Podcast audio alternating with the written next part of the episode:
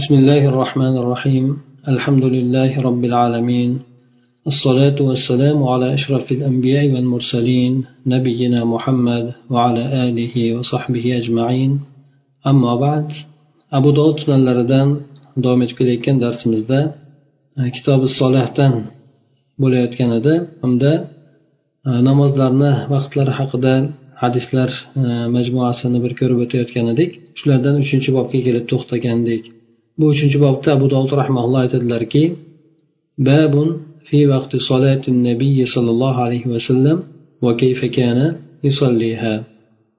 Bu bobga shunday deb nom bergan ekan payg'ambar sallallohu alayhi vasallamni namozlar o'qigan namozini vaqti to'g'risidagi bob hamda payg'ambar sallallohu alayhi vasallam bu namozni qanday o'qiyardi deb keltiradi. Uch yuz to'qson yettinchi hadis bu bizni kitobimizda alboniy rahmaulloh buni sahiy deb ishora qilgan ekan hamda abu dovud rahmaulloh bu hadisni hasan ibn ali ibn abi tolibni farzandlaridan rivoyat qilgan ekan bu kishi aytadilarki سألنا جابرا عن وقت صلاة رسول الله صلى الله عليه وسلم فقال كان يصلي الظهر بالهاجرة والعصر والشمس حية والمغرب إذا غربت الشمس والعشاء إذا كثر الناس عجل وإذا قلوا أخر والصبح بغلس bu muttafaqun alayh hadis ham ekan bular jobir roziyallohu anhudan so'raganligini aytyapti payg'ambar sallallohu alayhi vasallamni o'qigan namozlarini vaqti haqida ya'ni qaysi paytlarda payg'ambar sallallohu alayhi vasallam namoz o'qiyardilar deb jobir roziyallohu anhudan so'rashgan ekan bu kishi aytgan ekanlarki payg'ambar sallallohu alayhi vasallam peshin namozini issiq bo'lgan paytida hojira ya'ni zavol quyosh zavolga botgan paytida o'qiyar edi. Asrni esa quyosh tirik bo'lgan holatida ya'ni quvvatli bo'lgan holatda o'qiyar edi. Shom namozini esa quyosh botgan paytida o'qiyar edi. Tong namozini agar odamlar ko'p bo'lsa ertaroq o'qiyar edi. Agar odamlar ozroq bo'ladigan bo'lsa namozni ta'xir qilib turardilar ya'ni kechiktirib o'qiyardilar. Bomdod namozini esa g'ira shirada o'qiyardilar deb keltiradi. O'tgan e, safargi darslarimizda namoz vaqtlari to'g'risida aytib o'tgan edik. E, bu yerda ham ayni o'sha hadislarni ta'kidlagan suratda payg'ambar sallallohu alayhi vasallamni qaysi namozni qaysi vaqtda o'qiganligi to'g'risida bu kishi hadislarni gaplarni keltirib o'tyapti. Undan keyingi hadis ham ayni payg'ambar sallallohu alayhi vasallamni o'qigan namoz vaqt namozlar namozlarni vaqtlari to'g'risida bu hadisni abi barza roziyallohu anhudan rivoyat qiladi.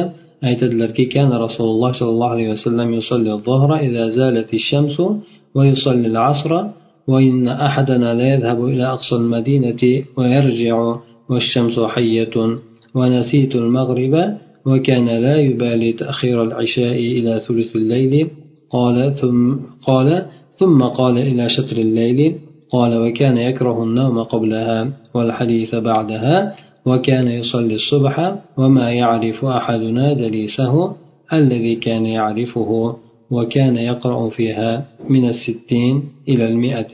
بو حديث هم متفق عليه حديث كان أبو برد رضي الله عنه أتدلركين رسول الله صلى الله عليه وسلم peshinni quyosh zavolga og'gan paytida zavoldan og'gan paytida o'qiyardilar dedi.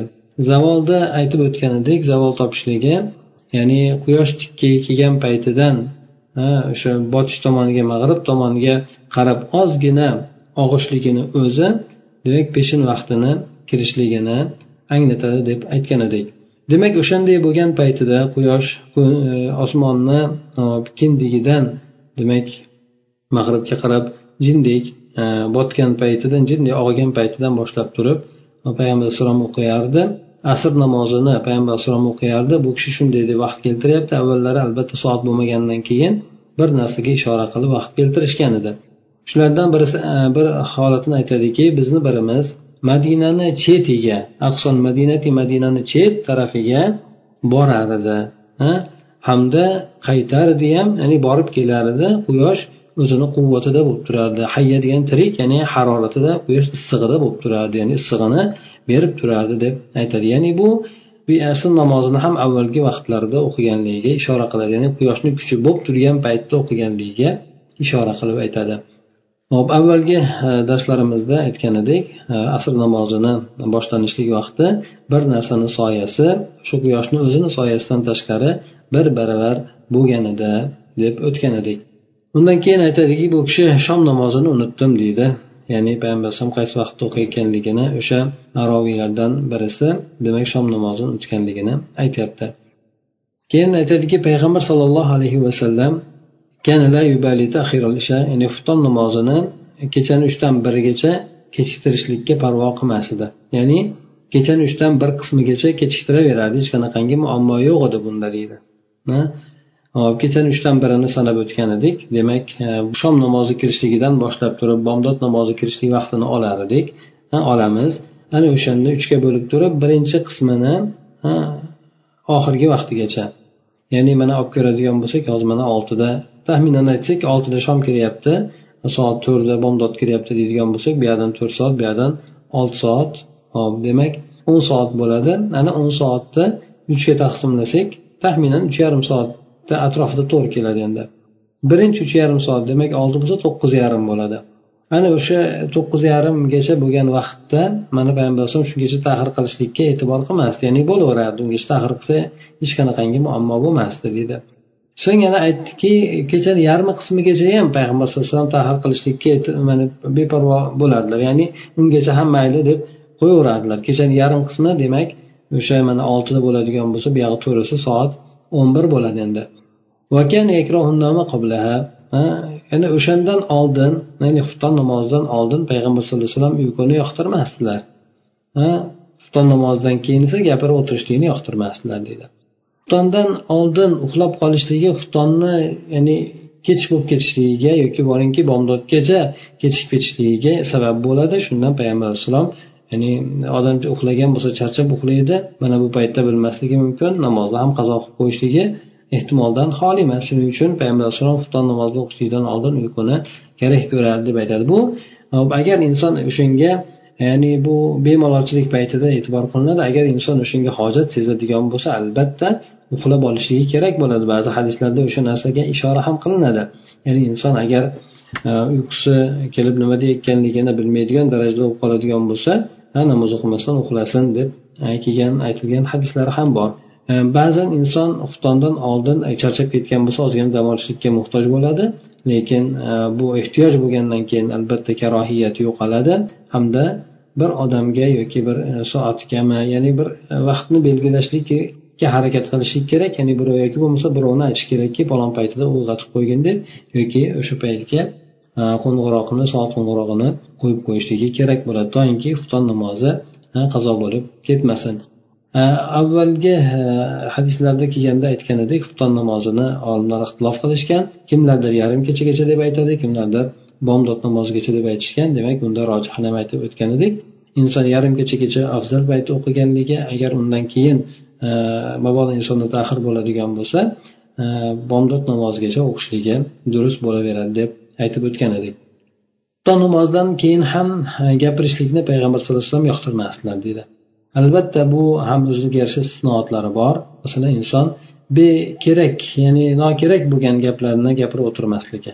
Agar inson undan keyin bir dars qilishlikka ho diniy bo'lsin ho dunyoviy bo'lsin ya'ni foydali bir narsalarni qilishlikka yoki bo'lmasa aytaylik mehmon kelsa mehmon bilan birga o'tirishligi yoki oilasi bilan birga bo'lishligi boshqa narsalar bo'ladigan bo'lsa albatta bundan karohiyat ko'tariladi. Ya'ni inson bekordan bekoriga xufton namozidan keyin kechgacha shu gaplashib o'tirishligi bu ko'pincha bomdod namozini yo tahir qilinishligi yoki qazo bo'lishligiga olib borib qo'yadi. Ana o'shandan ogohlantirgan holatda payg'ambar alayhissalom bu narsani yoqtirmas ekanlar ana undan keyin aytadiki bomdod namozini o'qiyar edi.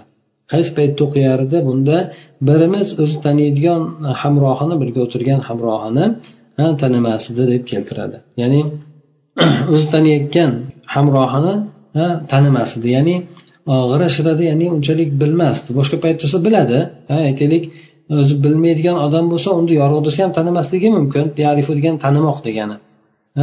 Ya'ni kunduzda bo'ladigan bo'lsa tanimasligi mumkin lekin o'zi taniydigan odamini ertalabda tanimaydi. Sababi g'ira shirada o'qiladi avvallari chiroqlar ham bo'lmagan. Shuning uchun hali tong otmasdan turib tong unaqangi yorishib ketmasdan turib tong bomdod namozi kirgani hali yorishib ketmasdan turib o'qigan ekanligiga ishora qilinadi. Avvalda ham aytib o'tgandik payg'ambar alayhissalomni aksar vaqtda o'qigan namozlari e, kun yoyilmasdan turib o'qiyardilar ha ba'zan esa kun yoyilgan paytida ham o'qiganligi kelgan rivoyat buni esa joiz ekanligini ifoda qilishlik uchun aytib o'tganlar deb aytishadi. Lekin aksar paytlarda payg'ambar alayhissalom g'ira shirada namoz o'qiganligi bomdod namozini o'qiganligi keladi. Bunda bomdod namozida oltmish oyatdan bir yuz oyatgacha bo'lgan e, suralarni yoki oyatlarni o'qiyar edi. Taxminan bir e, uch bet to'rt bet e, ya'ni shu atroflarida payg'ambar alayhissalom namozga bir rakatga o'qiyardilar deb aytiladi. Bomdod namozida boshqa namozlardan ko'ra uzunroq suralar o'qilgan shundan masalan ba'zilar al haqqa surasi ba'zilar undan ko'ra uzunroq bo'lgan suralarni payg'ambar alayhissalom bomdod namozida o'qiyardilar deydi to'rtinchidan e, to'rtinchi bob keltirib o'tadiki babun fi vaqti solati zuhri e, peshin namozini vaqti to'g'risidagi bob endi alohida alohida namozlarni vaqtlarini ham bayon qilib o'tadi. Umumiy suratda namozlarni vaqtlarini bayon qilib o'tgandan keyin. Uch yuz to'qson to'qqizinchi raqam deb ko'rsatilgan ekan buni albani rahimaulloh hasan deb ishora qilgan. Bu hadisni jobir ibn abdulloh roziyallohu anhudan rivoyat qiladi. E, Abu dovud rahmaulloh aytadilarki قال كنت أصلي الظهر مع رسول الله صلى الله عليه وسلم فآخذه قبضة من الحصى لتبرد في كفي أضعها لجبهتي أسجد عليها لشدة الحر peshin namozini payg'ambar sollallohu alayhi vasallam bilan birga o'qiyar edim hop men bir hovuch ya'ni kaffimda sovushligi uchun toshlardan haso deb mayda toshlarni aytiladi toshlardan bir hovuchini ushlab olardim olardim ya'ni qo'lim kaftimga bir hovuch toshni solardim. Hamda uni keyin lekin sovutardim o'shani deydi. Pastdan olib turib o'sha sovutardim ya'ni soya salqin qilib ana undan keyin peshonamga e, o'sha toshlarni qo'yar edim qo'yib turib ya'ni peshonam uchun o'sha toshlarni yerga qo'yib turib o'sha peshonamni o'sha toshga qo'yardim keyin. Ya'ni issig'ini qattiq bo'lganligidan unga sajda qilardim deb aytadi. Bu yerda demak bu sahobiy yoz paytlarida nihoyatda issiq qattiq bo'lgan paytlaridagi bo'lgan payg'ambar alayhisalom bilan o'qigan namozini eslab aytib o'tyapti. Bu paytlarida avvalda mana payg'ambar alayhissalomni masjidlari qurilgan bo'lsa u masjidlarida tepalari ham unaqangi quyoshni to'liq to'sadigan suratda yopilmas edi. Pastlariga ham gilom yoki shunga o'xshagan narsalar to'shalmagan edi. Faqatgina yerda o'sha tosh mayda toshchalardan iborat edi. Tepasidan esa quyosh urib turardi. Xurmo daraxtini baklaridan qo'ygan lekin baribir bu hamma yo'g'ini to'sib olmas edi ana o'shandan bu kishi yer juda ham qizib ketganligidan peshonani qo'ygani imkoniyati qiyin bo'lib qolgan o'rinda bu kishi o'sha kafimga toshdan olib turib o'shani sovutib keyin yana yerga qo'yib shunisiga sajda qilardim deydi. Mana bu narsa namozni ichida bo'lgan narsa hisoblanadi. Shuning uchun olimlar aytishadiki yengilgina bo'lgan ozgina bo'lgan harakat namozni buzib qo'ymaydi. Mana bu e, bu kishini aytayotgan gaplari ham namoz ichida bo'lganligidan bu namozni buzilmaganligiga dalolat qiladi. Bu kishida mana ba'zi rivoyatlarda keladi yana ba'zilar yengimizga ya'ni yengimizdagi o'sha yengimiz uzun bo'lsa yoki etagi uzun bo'lsa o'sha e, nimasiga peshonasiga qo'yadigan darajada uzun bo'ladigan bo'lsa yetadigan bo'lsa ana o'sha narsani qo'yib turib uni ustiga keyin sajda qilganligini aytishgan edi. Bu sahobiyda ehtimol o'sha kiygan o'sha kiyadigan kiyimi unaqa ortiqcha bo'lmaganligi yoki yengini uzun bo'lmaganligi yoki bo'lmasa keyin o'sha o'rangan ustidan kiygan choponi boshqasi bo'ladigan bo'lsa uni keng bo'lmaganligi mana shunaqangi narsalar sabab ehtimol bu kishi peshonasiga o'sha kiyimini bir bo'lagini qo'yishlikka imkoniyat topolmaganligidan bu toshlarni olib turib o'sha sal e, sovutib o'sha sovishlik uchun qo'liga olib keyin keyin sajda qiladigan paytda qo'yib turib uni ustiga sajda qilganligi ha bu yerda kelyapti ya'ni u kishi namozni qo'lda toshni olib turib o'qiganligi hamda sajdaga borgan paytda o'sha toshni qo'yib turib o'sha toshni ustiga sajda qilganligi. Bu yerda turgan tosh albatta quyoshni issig'ida juda ham qizib ketib qolar edi. bu esa o'sha peshin namozini kun rosa qizigan paytida o'qiganligi bu yerda aytib o'tilyapti undan keyingi hadisda bu hadisni abdulloh masud roziyallohu anhudan rivoyat qilingan ekan u kishi aytadilarki كانت قدر صلاة رسول الله صلى الله عليه وسلم في الصيف ثلاثة أقدام إلى خمس أقدام وفي الشتاء خمسة أقدام إلى سبعة أقدام payg'ambar sallallohu alayhi vasallamni yozda o'qigan shu namozlarini miqdori ya'ni e, me'yori ya'ni asosan peshin vaqtida bu uch qadamdan besh qadamgacha bo'lgan. Albatta soyasi endi. Soyasi inson turadigan bo'lsa hop o'zini insonni soyasi e, yetti e, nimaga yetti qadam bo'ladi deydi. Odatda insonni bo'yi yetti qadam keladi deydi. Yettita qadam ya'ni boring bir yuz yetmish bir yuz sakson santimetr bo'ladigan bo'lsa o'sha yetti qadam deb e'tibor qilinadi. Endi payg'ambar sallallohu alayhi vasallam peshin namozini yozda o'qigan paytida o'sha quyosh e, sal tikkadan og'gan paytida hamda soya qilib yozda soya qilib ko'rsatgan paytda endi taxminan madina o'sha ekvatorga yaqin joylashgan. Unchalik e, nimani soyasi bo'lmaydi e, quyoshni uzun soyasi unchalik bo'lmaydi. Shunga qaraganda peshin demak uch qadam ya'ni uch qadam boring yetmish santimetr atrofida e, bo'lsa kerak. E, mana shu E, uch qadamda e, bo'lgangacha bo'lgan muddatda o'qiyardi deydi. Ya'ni bu hali asr vaqti kirmasdan turib peshinni salkam o'rta vaqtlarida boshlanish vaqtidan o'tgandan keyin o'qiyardi. Qishda esa besh qadamdan yetti qadamgacha albatta qish bo'lgan paytda quyosh pastroqdan o'tadi. Pastroqdan o'tganligi uchun o'sha quyoshni o'zini ham soyasi bo'ladi ya'ni undan tashqari o'sha qo'yilgan narsani ham o'lchanadigan narsani ham soyasi bo'ladi. Ikkala soyani qo'shib hisoblaganda bir barobardan oshiq bo'ladigan bo'lsa bir barobarga yetadigan bo'lsa hamda o'sha soyani o'zini qo'shib hisoblaydigan bo'lsak ana unda asr vaqti kirgan bo'ladi. O'shanday bo'lgan paytigacha o'qiyardik masalan aytaylik qish vaqtida bir inson yetti qadamgacha bo'ladi dedi. Bir insonni o'zini bo'yi. O'sha bo'yi bor undan keyin o'sha quyoshni o'zi qishda ya'ni yotiqdan ketayotganligi uchun tikkadan emas sal yotiqdan ketayotganligi e, uchun e, E, buni ham o'ziga yarasha soyasi bo'ladi. O'sha demak soyasi e, bu yerda yetti qadamdan keyin bo'ladi. Shu qishki paytda demak o'sha juda oxirgi paytiga olib bormasdan payg'ambar alayhisalom namozini o'qiganligini bu kishi aytib o'tyaptilar. Hop undan keyingi mana to'rt yuz birinchi hadis ekan. Bunda abu zar roziyallohu anhudan rivoyat qilingan ekan. E, Zayd ibn vahab degan tobiin aytadiki men سمعت أبا ذر رضي الله عنه يقول كنا مع النبي صلى الله عليه وسلم فأراد المؤذن أن يؤذن الظهر فقال أبرد ثم أراد أن يؤذن فقال أبرد مرتين أو ثلاثا حتى رأينا في التلول ثم قال إن شدة الحر من فيه جهنم من فيح جهنم فإذا اشتد الحر فأبردوا بالصلاة. abu zar roziyallohu anhuni shunday deyayotganligini eshitdim deb aytadi endi biz payg'ambar sallallohu alayhi vasallam bilan birga ozon aytuvchi bo'lgan odam peshinga ozon aytishlikni xohladi qoldi. Ya'ni peshinga ozon aytmoqchi bo'ldi. Shunda payg'ambar sallallohu alayhi vasallam jindek sovutgin dedi. Ya'ni biroz kin dedi. So'ng yana bir muddatdan keyin ozon aytmoqchi bo'lib yana ozon aytmoqchi bo'lgan edi payg'ambar alayhisalom aytdilarki sovutgin yana dedi.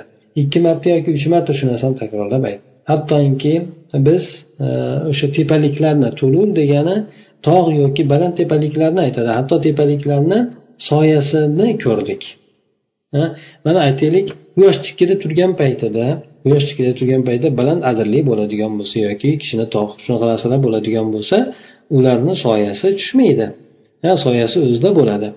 Endi quyosh ancha g'arb tomonga qarab yurgandan keyin tepaliklarni orqasiga o'tgan paytidan boshlab turib o'tishni boshlagan paytdan boshlab turib soyasi ko'rinadi o'sha balandliklarda. Demak ana o'sha paytda payg'ambar hatto o'sha ya'ni tepaliklarni soyasini ko'rdik. So'ng aytdilarki payg'ambar sallallohu alayhi vasallam ya'ni issig'ini qattiqligi yoki qattiq issiq jahannamda alangasi o'sha tutunidan bo'ladi jahannamda alangasidan bo'ladi.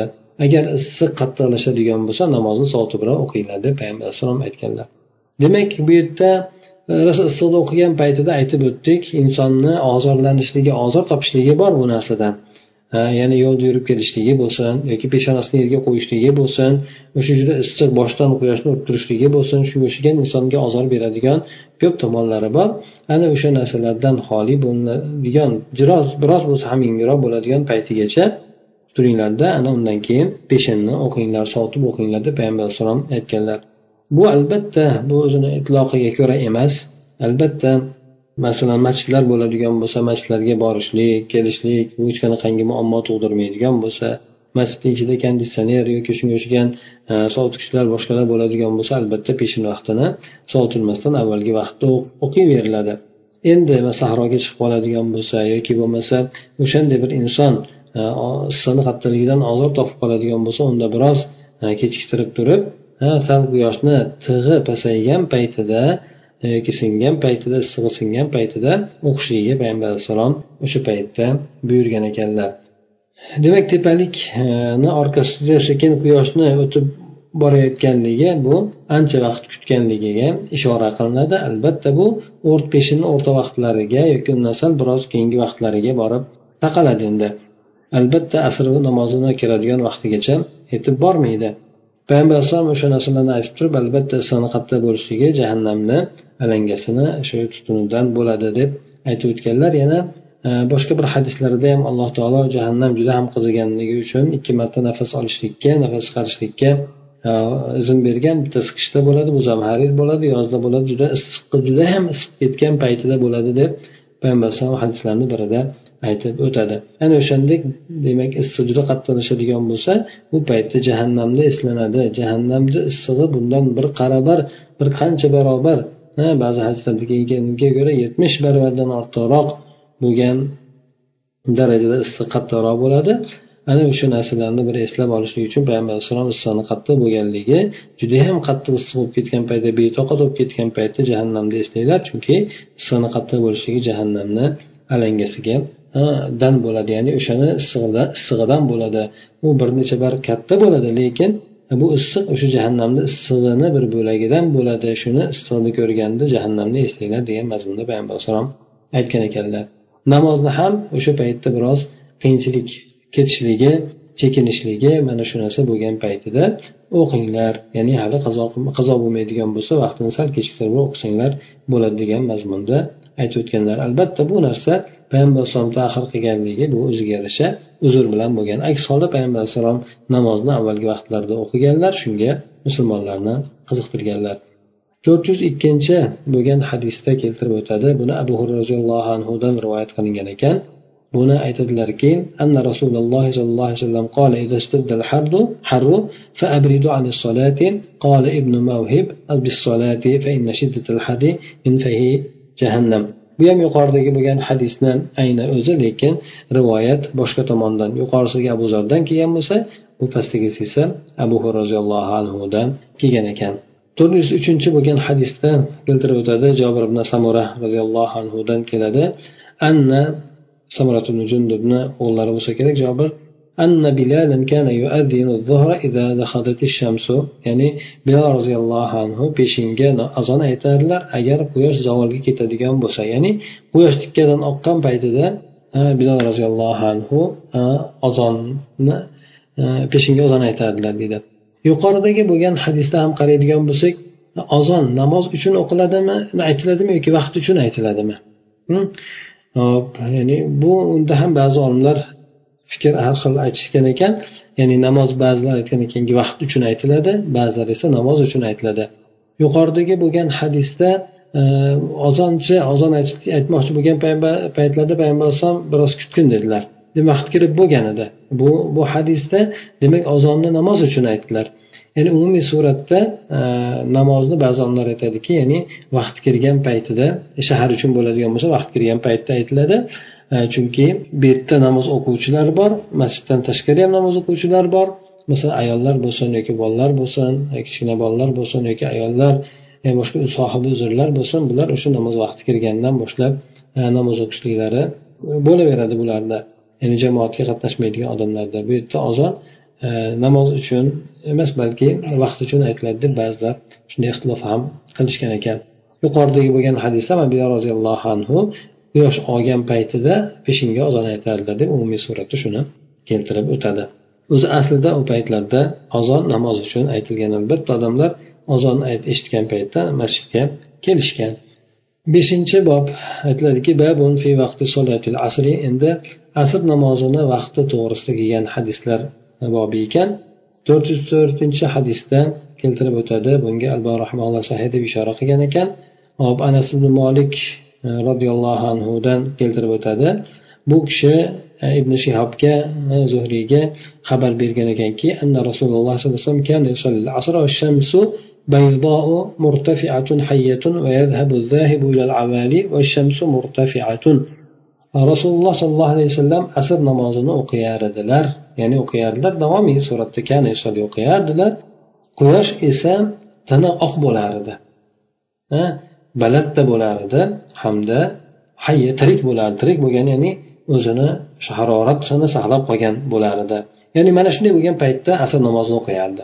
Asr namozini ya'ni bilasizlar ikki xil vaqti bor. Birinchi vaqti ikkinchi vaqti bor. Albatta bu birinchi vaqtiga to'g'ri keladi. Hop. Ya'ni bizdagiga o'xshab ikki soat shomdan ikki soat oldin o'qilishligi emas chunki bunday bo'lgan holatda hadisdagi kelgan ibora to'g'ri kelmay qoladi. Mana undan keyingi gapi ham aytib o'tilganda demak payg'ambar alayhissalom asr namozini o'qiyar ekan quyosh tikkada bo'lar ekan. Hali botmagan bo'lar ekan. Ya'ni o'zini haroratini quvvatini saqlab qolgan tiniq bo'lar ekan. Sarg'ayishlikka botma ya'ni sarg'likka moyil bo'lmagan holat ya'ni oqligi ya'ni o'zini quvvatida bo'lib turganligi harorati qattiq bo'lgan paytida tikka turgan paytda payg'ambar alayhisalom asr namozini o'qiyardilar o'sha paytda bir avvaliga boradigan odam e, borar edi o'sha yerga quyosh hali tik turgan bo'lardi deydi. Avvaliy madinadan o'sha janub tomonidan bir o'n kilometrcha masofada ekan. o'n kilometrcha masofa deb madinada yashaydigan nimalar aytgan edi. Hop ya'ni o'n kilometr bo'ladigan bo'lsa borgan odamga taxminan ikki ikki soat vaqt kerak bo'ladi. Demak o'shanga borgan paytida ham bemalol o'sha quyosh tikkada turgan payti bo'lar edi ya'ni botishlikka moyil bo'lmagan payti bo'lardi deb aytib o'tadi. Undan keyingi mana to'rt yuz beshinchi rivoyatda keltirib o'tiladi. Bu zuhriyni o'zidan e, rivoyat qilingan ekan imom zuhriyni o'zidan rivoyat qilingan ekan. Aytgan ekanlarki avoli bu ala milayni av salatatin qola va ahsibuhu qola arbaatin. Ya'ni avoli degan joy ikki mil uch mil ba'zida man o'ylaymanki yoki to'rt mil masofada deb aytgan ekan. Lekin madina nimasidagilar aytganki bu zulhulayfani orti tomonida keladi. Shu o'n kilometr atrofida deb madinaliklar aytishgan endi. Bunga taxminan kamida ikki soat vaqt kerak bo'ladi. Hop to'rt yuz oltinchi bo'lgan hadisda keltirib o'tadi. Bu ham sahih ekan lekin maqtu maqtu o'sha roviyni o'ziga kelib taqalgan payg'ambar alayhissalomga ko'tarilmagan. Haysimidan keltiradiki uni aytadiki quyoshni tirik bo'lganligi bu o'zini haroratini topishligi ya'ni harorati quvvati o'zi saqlanib qolgan paytida deb aytgan ekan. to'rt yuz yettinchi bo'lgan hadisda keltirib o'tadi. Bu hadisni oysha roziyallohu anhodan rivoyat qilinadi. Urvat ibn zubayr aytadilarki menga oysha onamiz hadis qilib aytib bergan anna rasululloh sollallohu alayhi vasallam rasululloh sollallohu alayhi vasallam asr namozini o'qiyardi. Quyosh esa u kishini hujrasini ichida bo'lar edi ya'ni payg'ambar sallallohu alayhi vasallamni uylari tor butor bo'lgan shu jumladan mana oysha onamizni uylari ham keng bo'lmagan tor bo'lgan tor bo'lgandan keyin hujrani ichiga tushib turadigan quyosh ikkadan bo'ladi. Ya'ni keng keng bo'ladigan bo'lsa botishlikka moyil bo'lgan paytiga ham bo'lishi mumkin o'sha yerda quyosh ichida turgan bo'lishi mumkin ya'ni devorni ichida. Lekin bu yerdagisi aytganligi quyosh meni xonamni o'sha hujramni ichida bo'lar edi deb aytganligi quyosh hali tikkada turgan paytida o'qiyardi deganini anglatadi.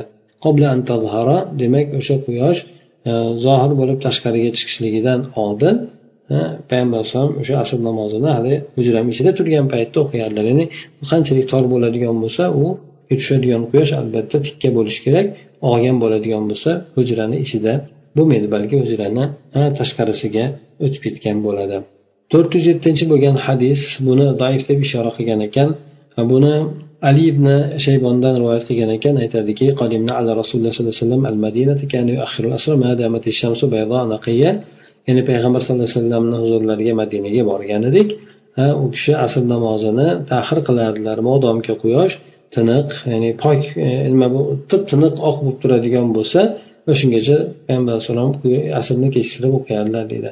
Payg'ambar sallallohu alayhi vasallamni odatlari umuman namoz bo'yicha avvalgi vaqtlarda o'qiyardilar ba'zan esa bir sabablarga binoan tahir qilardilar lekin bu yerda doimiy tahir qilishligi payg'ambar alayhisalomga kelmagan bu yerda aytganligi zaif ham deb keltirilyapti demak payg'ambar alayhissalom namozni avvalgi vaqtlariga o'qiganlar hamda shunga boshqa musulmonlarni tezlaganlar. Undan keyingi to'rt yuz to'qqizinchi bo'lgan hadisda bu ali roziyallohu anhudan rivoyat qilingan ekan u kishi aytadilarki أن رسول الله صلى الله عليه وسلم قال يوم الخندق حبسونا عن صلاة الوسطى صلاة العصر ملأ الله بيوتهم وقبورهم نارا buni imom buxoriy bilan muslim ham rivoyat qilgan ekan ali roziyallohu anhu aytadilarki rasululloh sollallohu alayhi vasallam handaq kuni jang kungi kuni aytgan ekanlar handaq jangi bu beshinchi yilda bo'lgan mushriklar madinaga bostirib kelishgan paytida edi Shunda musulmonlar juda qattiq bir holatda bo'ladi. Ular madinani atrofini o'rashib oladi. Shunda musulmonlar o'sha dushman bilan chalg'ib qolishganda ularni e, kuzatib ularni o'sha paytda e, o'zlarini shahrini himoya qilib ya'ni bo'shasholmasdan qolgan. Bu e, shu musulmonlarga e, xavf namozini nozil bo'lishligidan oldingi bo'lgan voqea deb aytishadi. Xavf namoziga ruxsat berilgan paytda musulmonlar bo'linib bo'linib namozni o'qishgan edi. O'shandan avvalgi bo'lgan paytida demak bular asr namozini kechiktirib yuborishadi. Dushman bilan mashg'ul bo'lib qolganligi sababli. Shunda payg'ambar sallallohu alayhi vasallam aytgan ekanlarki ular bizni ya'ni mushriklar e, o'rta namozdan asr namozidan bizni ushlab qolishdi. Shuni qazo qilishligimizga shular sababchi bo'lishdi. Alloh taolo ularni uylarini qabrlarini do'zaxga yoki o'tga to'ldirsin deb ularga duoibat degan ekanlar. Olimlar asr o'rta namoz haqida ixtilof qilishgan bu to'rt xil e, so'zga binoan ixtilof qilishgan. Ular har xil namozlarni keltirib o'tishgan bomdod namozini yoki har bitta namozni salotul vusto deb aytishgan. E, asr namozini mana bunda ham aniq suratda asr namozi deb kelyapti. Shundan dalillarni quvvati bo'yicha asr namozi o'rta namoz ekanligini rojih deb aytishadi. hop undan keyingi mana to'rt yuz o'ninchi bo'lgan hadisda keltirib o'tadi bu hadisda oysha onamizni bir ozod qilgan qullari abu yusunus degan odamlar rivoyat qilinar ekan aytadiki قال أمرتني عائشة أن أكتب لها مصحفا وقالت إذا بلغت هذه الآية فأذني فآذني حافظ على الصلاة والصلاة الوسطى فلما بلغتها بلغتها آذنته فأملت فأملت علي حافظ على الصلاة والصلاة الوسطى وصلاة العصر وقوموا لله قانتين ثم قالت عائشة رضي الله عنها سمعتها من رسول الله صلى الله عليه وسلم buni imom muslim rivoyat qilgan ekan aytadiki menga oysha onamiz mushaf yozib berishligimni buyurgan edi u kishiga bir mushafni ko'chirib yozib berishligimni buyurgan edi men shunda mana bu oyat aytdilarki mana bu oyatga keladigan bo'lsang menga xabarni bergin barcha namozlarga rioya qilinglar vaqtlariga Shartlarga arkonlariga rioya qilinglar. Shu jumladan qattiqroq e'tiborni qaratishlik maqsadida o'rta namozga ham mahkam rioya qilinglar deb turib aytib o'tadi. Mana shu oyatga kelgan paytingda menga aytib qo'ygan xabarni berib qo'ygin dedi. Men shu oyatga yetib keluvdim u kishiga xabarni berdim. Shu oyatga keldim nima demoqchi edingiz deb. Shunda menga u kishi shunday deb aytib yozadilar. Hafizu ala salovati namozlarga rioya qilinglar qattiq rioya qilinglar hamda o'rta namozga va asr namoziga qattiq rioya qilinglar deb turib e, aytib yozdirdi deydi. Alloh taologa itoatkor bo'lgan holatda qoyim turinglar deb. Shunda oysha onamiz aytdilarki men shuni e, rasululloh sollallohu alayhi vasallamdan shuni eshitganman deb aytdilar. Bu yerda e, bu kishi ham asr namozini o'rta namoz ekanligini payg'ambar alayhissalomdan eshitganligini aytib o'tyaptilar. Bu yerda Э, solatil э, solatil asr deb keltirilishligi bu e, albatta e, qur'ondan deb hisoblanmagan. Hozirgi paytda qur'ondan faqat e, solatil hafiz ala solavati va solatil vusto va lillahi qonitin deydi. Solatil asr degan so'z yo'q. Buni yo ikki xil nimasi bor? Ikki xil yo'nalishi bor buni. Yo biri bo'lganligi qiro shoza deyiladi. Qiro shoza degani ya'ni mutavotir darajaga yetmagan shoz ba'zilar tomonidangina aytilgan rivoyat ya'ni o'sha qiroat hisoblanadi. Bunga ko'ra u mutavotir bo'lmaganligi uchun bu bilan o'qilmaydi. Ikkinchisi esa oysha onamiz ehtimol o'sha solatul ustoda payg'ambar alayhisalom aytgan paytlarida ya'ni o'rta namoz bu asr namozi deb faqat tafsiliy suratda bayon qilishlik uchun aytgan bo'lishligi ham mumkin. Shu oysha onamiz esa buni oyatdan deb anglab olgan bo'lishi ham ehtimoldan xoli emas deb aytishadi. Nima bo'lganda ham bu solatul asr e, so'zi bu qur'onni jumlasidan hisoblanmaydi balki bunga bir tafsir sifatida qaraladi hamda yuqorida ham aytib o'tilganidek o'rta namozni rojih bo'lgan holati bu asr namozi deb e'tibor qilinar ekan. Endi nimaga endi o'rta namozni e, deb turib e, shunga qattiqroq ahamiyatni qaratilgan? Chunki aytishadiki asr namozi o'rta namoz undan keyin oldin ham ikkita namoz bor keyin ham ikkita namoz bor. Oldin ikkita namoz bo'lganligi birisi tong bilan kunduzgi namoz bo'ladigan bo'lsa undan keyingisi masalan kunduz bilan shom namozi hamda kecha namozi. Mana shu namoz u yoqdan ikkita namoz bu yoqdan bo'lib turib asr namozi o'rta namoz bo'ladi. Hamda buniga ahamiyatni qaratishligini sababi bu mana hozirda ham ko'rsa bo'ladi. Bularda o'sha kechki paytga borib turib asr namoziga borib turib odam e, ishlagan bo'ladigan bo'lsa ko'proq holdan toyadi charchaydi dam olgisi keladi.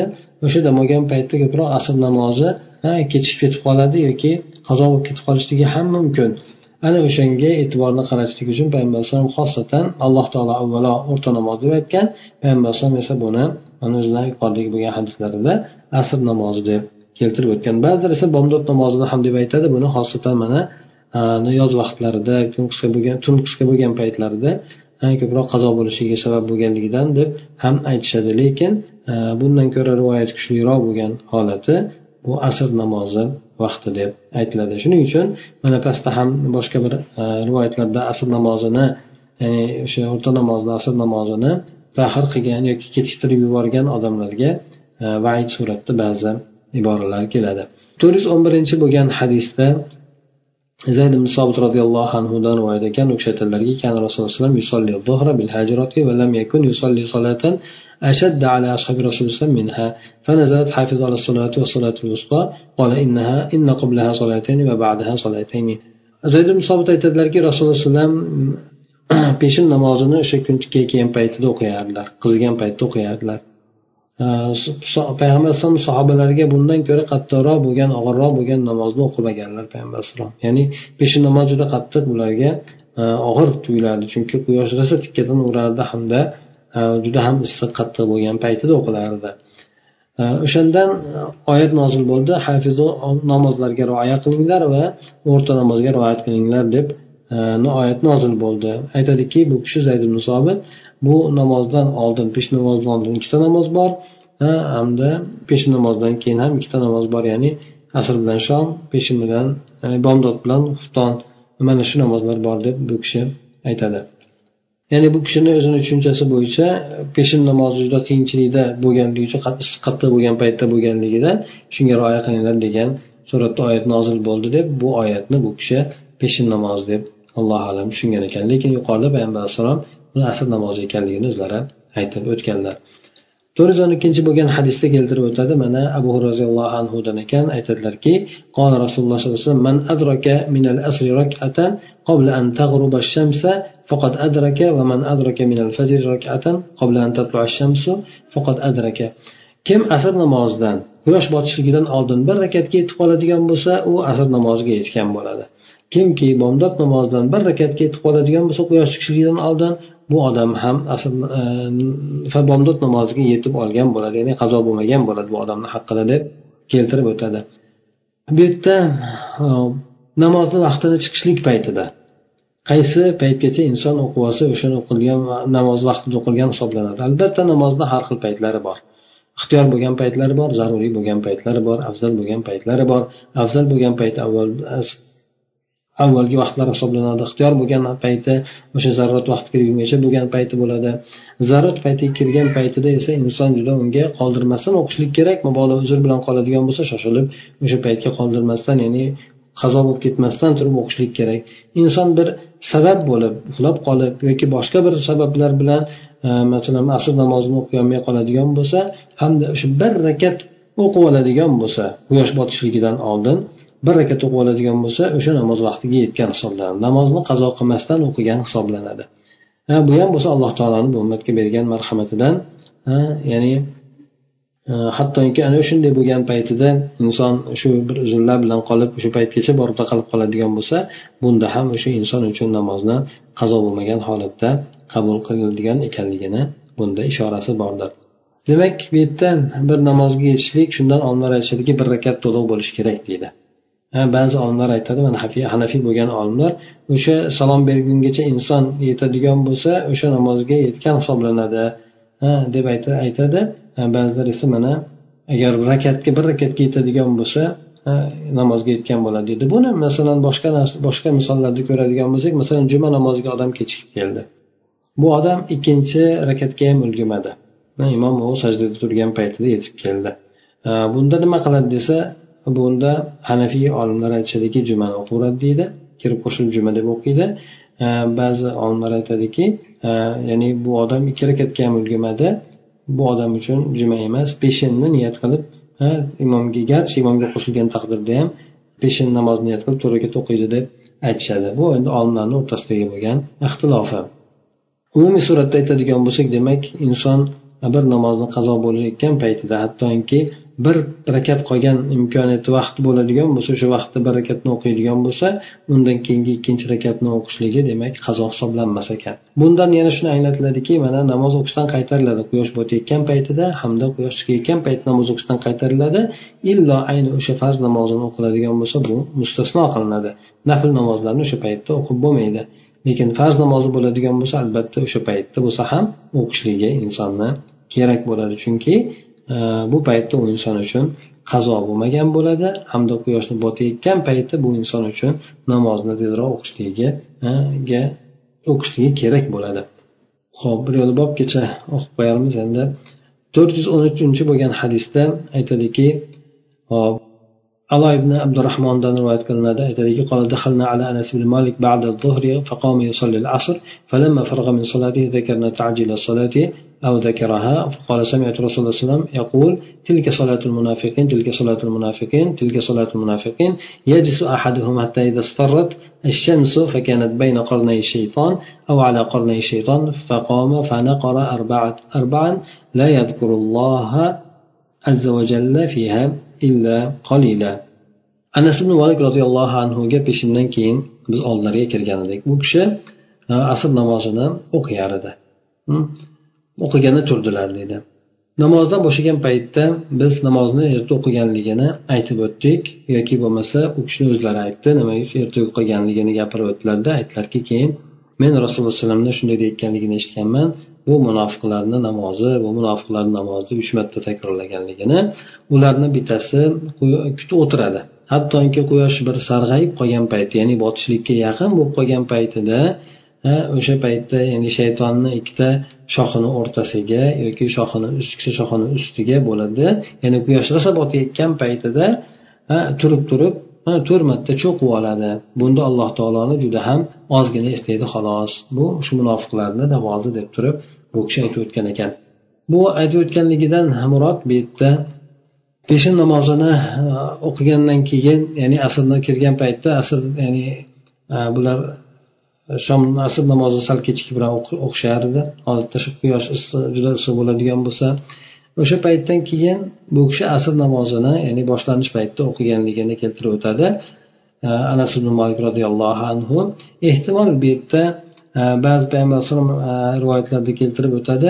Shunday bir imomlar keladiki bular namozlarni o'z vaqtlaridan tahir qilib yuboradi. O'shanda sizlar ya'ni o'zlaringiz o'qinglar e, ular bilan birga ham o'qiyveringlar degan mazmunda rivoyatlar keladi. Ana o'shanga ehtimol o'shanga binoandirki bu kishi demak asr namozini avvalgi vaqtida o'qiganda keyin e, bu kishidan o'sha ertaroq hali masjidda o'qilmasdan turib o'qiganligini ehtimol bu kishiga aytilgan paytida men payg'ambar alayhisalomdan shunday deb eshitganman namozni vaqtini kutib o'tirib o'tirib quyosh sarg'aygan paytda o'qiydigan bo'lsa bu munofiqlarni namozi bo'ladi. Shuning uchun tahir qilishlik yaxshi emas bu narsani tahir qilishlik joiz emas. Avvalgi paytda o'qishlik kerak bo'ladi degan mazmunda bu kishi o'zini qilgan ishlariga sababini bayon qilib o'tadi. Bu yerda demak quyosh munofiqlarni qiladigan holati namozni tahir qilib qilib oxiri hech qanaqangi bir uzrsiz oxirgi paytiga borgan paytda shoshilib shoshilib o'qib oladida bunda nima o'qiganligini ham bilmaydi o'shanisini ham bilmaydi. Ana o'shani munofiqlarni namoziga o'xshatganlar. Ya'ni deb ya'ni namozga turadigan bo'lsa dangasa bo'lib turishadi namoz o'qiydigan bo'lsa bunda alloh taoloni juda ham oz eslashadi deb munofiqlar to'g'risida alloh taolo aytib o'tadi. Bu kishi ham ayni shu narsani keltirib o'tib ya'ni munofiqlar e, maqsad shu odamlarni ko'ziga amal ado etilib qolinsa bo'ldi. Buni sifati ularni qiziqtirmaydi chunki ular bu narsaga e'tibor bermaydi degan mazmunda aytib o'tadi. Ho'p quyosh endi shaytonni ikkita qoshini o'rtasiga ikkita shoxini o'rtasiga bo'lishligi ba'zilar shoxini o'rtasida bo'lishligini quvvat ham deb aytishgan ekan shaytonni quvvatini bor paytida ya'ni o'sha kechki payt bo'lgan paytda shaytonlar tarqaladi. Bilsanglar jamoa shayton shaytonni guruhlari tarqaladi shom paytiga yaqin. Ana o'sha bunday bo'lgan payti kelgan paytda kelganda ham deb aytishgan ekan. Ba'zilar rosmoni o'sha shaytonni e, shoxini o'rtasida quyoshdek rosa botar paytga kelib qolgan paytida shayton shunday odamlarga shakllanadi. Bunda o'sha bu otashparastlar ibodat qiladigan vaqti bo'ladi deb ba'zi olimlar aytishgan ekan. Ehtimol mana shu narsa hadisdan murod qilingandir deb.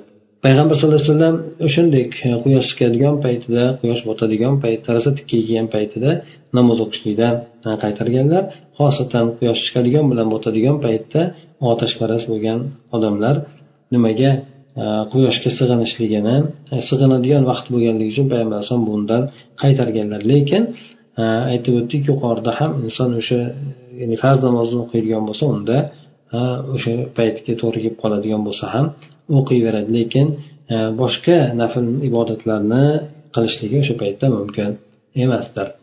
Munofiq bo'lgan odamni namoz o'qishligini aytib o'tdi namoz o'qiydi lekin u namozini sifatiga umuman e'tibor bermaydi deb aytib o'tdi. Chunki u paytlarda odamni namoz o'qimasligi juda holni harob bo'lishiga olib borardi. Shundan munofiqlar ham o'qishlikka majbur edi. yana abdulloh ibn umar roziyallohu anhudan rivoyat anhudan rivoyat qilinadi. Aytadilarki anna rasululloh alayhi qola allazi tafutuhu asr va ya'ni e, asr namozi qazo bo'lib ketib qoladigan odamga payg'ambar alayhissalom aytgan ekanki bu odam go'yoki ahlidan molidan mahrum bo'lgandek bo'ladi. Ahli ahli moli bu odamdan tortib olingandek bo'ladi. Ya'ni odam ahlidan mahrum bo'lsa moldan mahrum bo'lsa qanchalik qayg'uli bo'ladi? Demak asl namozi e, ta'xir qilib qo'yadigan bo'lsa e, qazo qilib qo'yadigan bo'lsa mana shunday inson e, juda tahlikali bir holatda bo'ladi. Shunga juda qattiq qayg'urish kerak degan mazmunda payg'ambar alayhissalom aytib o'tgan ekanlar. Aynan mana shu rivoyatda demak utira deb aytib o'tilgan ekan. Yana to'rt yuz o'n beshinchi bo'lgan hadisda aytib o'tadiki qola abu amir ya'ni avzoi ya'ni o'sha aslni oxirgi payt to'g'risida bu kishi aytgan ekan yerdagi bo'lgan o'sha quyosh e, sariq holatda ko'rinishligi deb. Bu avzoiyni o'zlarini belgilagan e, vaqti deb aytishadi. Asr namozini shom namozi kirishlikdan oldinroq qazo bo'ladi degan mazmunda aytgan o'zlarini gaplari bor deydi ana o'shanga binoan e, demak yerdagi quyosh sariq payti ko'ringan paytida bu asr namozi qazo bo'ladi degan gapni aytyapti. Bu hadis demak daif deb e, aytilgan ekan. Demak asr namozini inson tahir qilmaslik kerak e, tahir qiladigan bo'lsa bu insonni o'sha kungi boshqa hadisda ham keladi o'sha kungi amali amali habata bo'lib keladi. Amali e, ya'ni habata bo'lib ketadi deb aytib o'tiladi bir hadisda. Buni olimlar aytadiki o'sha kungi amali deb aytishadi. Butunlay amal emas balki o'sha kungi amali deb aytishadi. Mana bu yerda esa inson demak ahlidan moldan go'yoki mahrum bo'lib qolgandek darajada qayg'uli bir amal hisoblanadi deb aytib o'tilyapti. Mana shundan ham aytishadiki asr namozi o'rta namoz unga alohida e'tibor qilinishlikka rioya qilinishlikka chaqirilgan sababi odamlar ishdan charchab kelib dam oladigan paytiga to'g'ri kelgan. Shu dam olaman deb turib bir yo'la shomga o'tkazib yuborishligi ham mumkin. Yana kunda o'sha ba'zilar mana hozirgi paytda ham inson peshin namozidan keyin dam olishadi hatto asr namoziga turishadi shunda agar asr namoziga turmaydigan bo'lsa shom vaqtiga qarab turib namoz vaqti kechikib ketib qoladi ana o'sha narsalarga qattiq e'tiborni qaratilgan holatda allohu alam bu asr namozini ertaroq o'qishlikka aytib o'tilgan ekan سبحانك اللهم وبحمدك نشهد أن لا إله إلا أنت نستغفرك ونتوب إليك اللهم انفعنا بما علمتنا وعلمنا ما ينفعنا وزدنا علما